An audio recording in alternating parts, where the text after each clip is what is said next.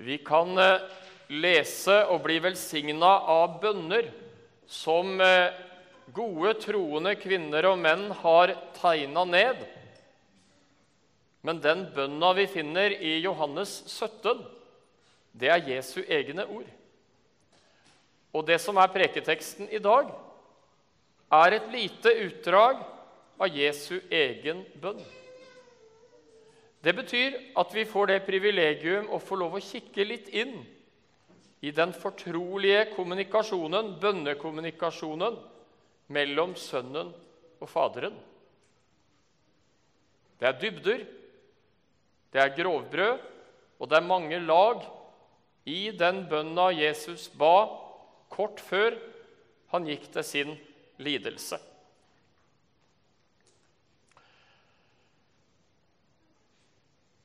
Vi feirer Kristi himmelfartsdag. Og det er en dag som kanskje har blitt litt anonym. Men som jeg allerede har vært inne på, så er det en stor festdag. Den har også blitt kalt for Kristi kroningsdag. På en måte Frelsesverket er fullført, og så kommer denne dagen som kronen på det hele. Det han har gjort for deg, og det han har gjort for meg, til vår frelse. Og så er navnet Kristi himmelfartsdag en dag som har blitt fleipa og tulla med av noen som eh, med eller uten hensikt har håna det hellige som samler oss i dag. Noen av oss, en del av oss har vel en del ganger hørt et ord som himmelspretten. Og det gis av noen inntrykk av en litt sånn snever forståelse av at vi tenker oss at himmelen er en slags kuppel, og så bor Gud da rett over eh, når en har passert den kuppelen. Og det er selvfølgelig ikke sånne snevre bilder som signaliseres. Det er en mye større dimensjon enn som så, og hvor himmelen er mer uttrykk for gudsdimensjonen ikke den synlige himmelhvelvingen vi kan skue med øyet vårt når vi går ut og ser at det er mye blå himmel over horisonten. Vi skal lese preketeksten, og vi reiser oss.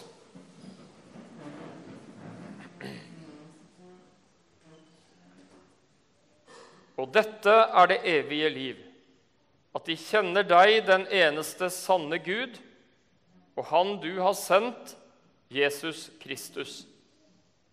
Jeg herliggjorde deg på jorden da jeg fullførte den gjerning du ga meg å gjøre.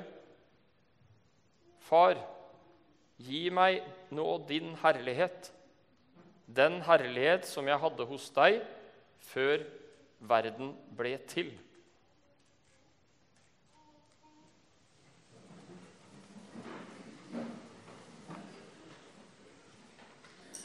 Dette er det evige liv, at de kjenner meg. Dette er det evige liv, at de kjenner meg, sier Jesus. Det er også ingenting som er viktigere enn å kjenne Jesus.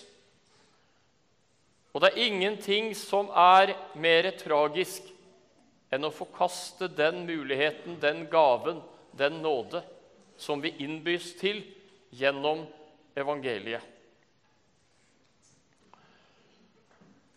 Det ordet som er oversatt med 'kjenne', er et sterkere ord opprinnelig enn det vi kanskje får assosiasjoner til med ordet 'kjenne' når vi leser det. Det er mye vi kan kjenne, og det er mange vi kan kjenne, men det kan være ganske overfladisk, teoretisk kunnskap som gjør at vi sier 'jo, jeg kjenner da han'. Jeg kjenner nå henne. 'Jeg kjenner kona mi. Jeg kjenner Edel.' Men det er langt mer enn teoretisk kunnskap om henne. Det er heldigvis veldig, veldig mye mer. Og det er mange lag utover den teoretiske kunnskapen om hvem hun er. Og Når jeg nevner det, så er det for å hente inn de riktige assosiasjonene i hva som er noe av tonearten i dette vers 3 i preketeksten til i dag. Å kjenne Jesus sammenlignes i Bibelen med forholdet mellom brud og brudgom. Det lød på Galileafjellet. Gå ut og gjør alle folkeslag til disipler, idet dere døper dem til Faderens og Sønnens og Den hellige ånds navn, og lærer dem å holde alt det jeg har befalt dere. Tilsynelatende forlot Jesus dem. Tilsynelatende var det en vemodig og trist avskjed. Hvorfor kunne ikke dette fortsette, da? Det var jo så mye bra, og det var så mye viktig i relasjonen mellom Jesus og hans nære disipler. Og så reiser han fra dem. Og så legger Jesus til, han som har all makt i himmel og på jord, med omsorg og med trykk til disiplene da og til oss her i Skauen kirke i dag. Jeg er med dere alle dager inn til verdens ende. Det betyr at i det misjonsoppdraget han har gitt, så er det Gud sjøl som er den drivende kraft. Det er Gud sjøl som er den aktive. Det er Han vi skal søke, og det er Han vi skal hengi oss til i det store misjonens oppdrag. Når korset står og lyser på Skauen kirke, så taler det sitt ordløse språk om kilden, om frelsen, om den ene frelser som hvert eneste menneske her i området er avhengig av, trenger å møte, trenger å kjenne. Korset her på kirken lyser, og det minner meg om en gammel bedehussalme som jeg forbinder med Odd Dubland, som han har synget veldig mye.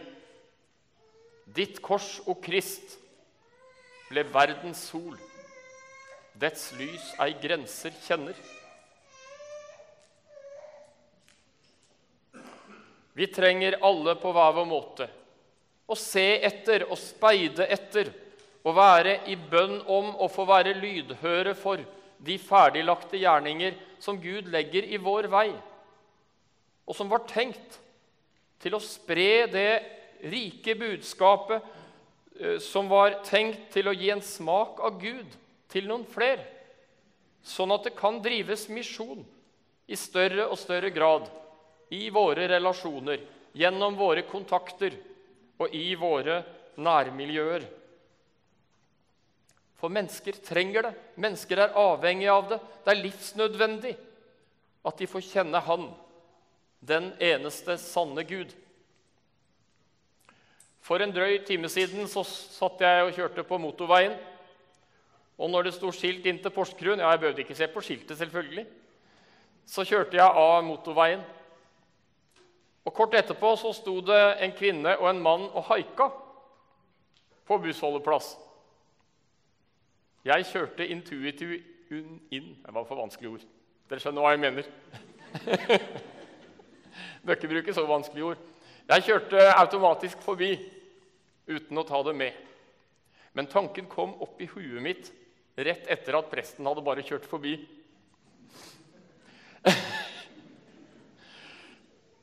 Kanskje det var en ferdiglagt gjerning. Kanskje det var en spesiell mulighet.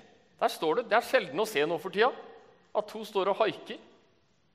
Og hvis jeg hadde stoppa, som jeg kanskje skulle ha gjort Jeg hadde god tid til det. Jeg var her en time før det begynte, så jeg kan ikke skylde på det at jeg hadde det travelt heller. Hvis jeg hadde stoppa, så ville de med en gang sett hvem som er min herre, og hvem jeg er tjener for. For jeg har den eh, snippen oppi her som er umisforståelig tydelig. Eh, og jeg hadde den på allerede. Så hvis jeg hadde tatt opp disse haikerne, så ville de veldig fort skjønt hva som er min tjeneste og min oppgave. Og kanskje hadde det kommet noen spørsmål. Kanskje hadde det blitt et eller annet på en eller annen måte som hadde blitt noe bra og såkorn i den gode Guds hender. men jeg kjørte forbi. Og så minna det meg om noe. Som et kall til meg og et kall til deg om å kanskje i større grad være i den stadig vedvarende bønn. La meg se de ferdiglagte gjerningene og ikke gå forbi dem når du legger dem ferdig, til velsignelse og til berikelse og til misjon.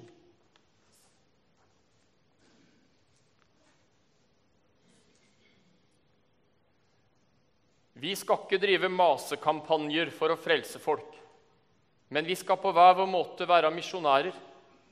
På hver vår måte gjennom ord og handling. Med de gaver og utrustning og forutsetningene Gud har gitt oss, verken mer eller mindre. Få være et Kristi brev, et Kristi sendebud, som er med å bringe evangeliet videre. Og når Torun Torunn og Arild, når dere har vært våre utsendinger i Etiopia, så er det en refleks av evangeliet at dere har gjort det. Og det er en gave for oss at dere har villet være våre utsendinger.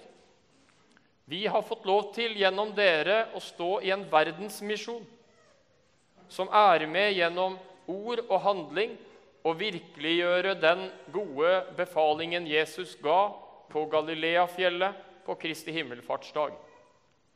Og i dag er det en glede å vite at vårt lille kirkesamfunn har flere misjonærer enn noen gang i vår historie.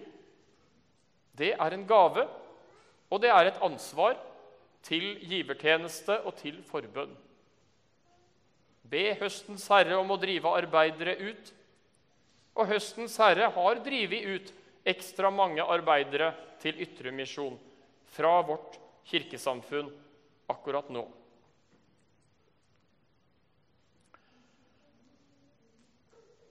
I den siste boka i Bibelen så står det om det nye Jerusalem at der er det ikke sol, fordi lammet er sola. Jeg syns det er et vakkert bilde. Og det er et bilde jeg liker å komme tilbake til. Jesus er sola. Og vi veit litt om hva sola betyr. Hadde det ikke vært for sola, så kom det ikke regn. Hadde det ikke vært for sola, så blei det ikke noe brød. Og det blei ikke noe gress til kuene, så det blei ikke melk heller. Det blei ingenting å putte i munnen. Sola er helt, helt livsnødvendig for oss. Jo da, jeg skal innrømme det at når det på tirsdagen ikke var glimt av sol, så gleda jeg meg som bare det. For da kom det stille, etterlengta regn akkurat på den måten jeg håpa det ville komme. Men vanligvis så er det sånn at vi gleder oss over sola. Vanligvis så er sola noe vi takker for og gleder oss over.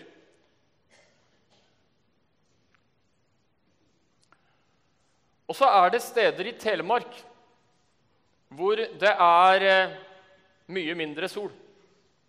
Det er bygd en by et sted i Telemark hvor det en del av året ikke er sol i det hele tatt. Rjukan. Det er så høye fjell som så til de grader skygger for sola, at i den byen så må de en del av året klare seg helt uten sol, samme om det er skyer eller ikke. Og For å prøve å bøte litt på problemet så er det laga en kostbar bane for å kunne gi Rjukan sin byggere en tur opp på fjellet og få oppleve sola, ikke bare høre om den. Og det er eh, rigga til i det seinere Det er kanskje mest en kuriositet, men det er rigga til et digert solspeil i Rjukan. Har du sett speilet? Et digert solspeil. Og når sånne ting gjøres, så sier det litt om hva sola betyr. Og Jeg skal bruke dette litt nå som et bilde. Og Jeg er veldig klar over at i troens dype hemmeligheter så har bildet sine svakheter. Eh, alle bilder er haltende, og alle bilder står i fare for å bli platte. Men det kan hjelpe oss litt, tror jeg, og derfor gjør jeg det. Når du tenker etter, kommer du på noen som har vært sånne solspeil i ditt liv? Jeg er sikker på du gjør det. Du kommer på noen navn. Tenk etter der du sitter.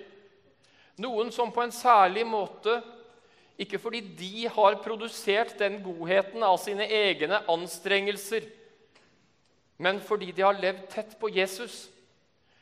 Fordi de gjennom å høre evangeliet, fordi de fra nattverdbordet og fordi de i bønnens fortrolighet og fordi de ved å være i det kristne fellesskapet har blitt forma av Jesus, så er det som du får en smak av Jesus gjennom disse menneskene. De er med og gjør noe for deg. De er med og gir deg en erfaring av hvem Jesus er. Det er et eller annet med hvordan de er, hva de sier, og hva de ikke sier. Det er et eller annet med det mennesket som du kanskje tenker på nå, som er som et solspeil. Det mennesket hjelper deg å følge Jesus. Det mennesket gir deg en smak av Jesus. Det mennesket gjør noe med deg på din livsvandring. Kanskje noen av dere barna skal tenke etter, eller er dette litt for vanskelig bilde? Dere kan spørre mamma og pappa hvis jeg forklarer det litt for tungvint. Så kanskje de kan forklare det bedre etterpå. Det der med solspeil og det med å være et speil av Jesus inn i våre liv.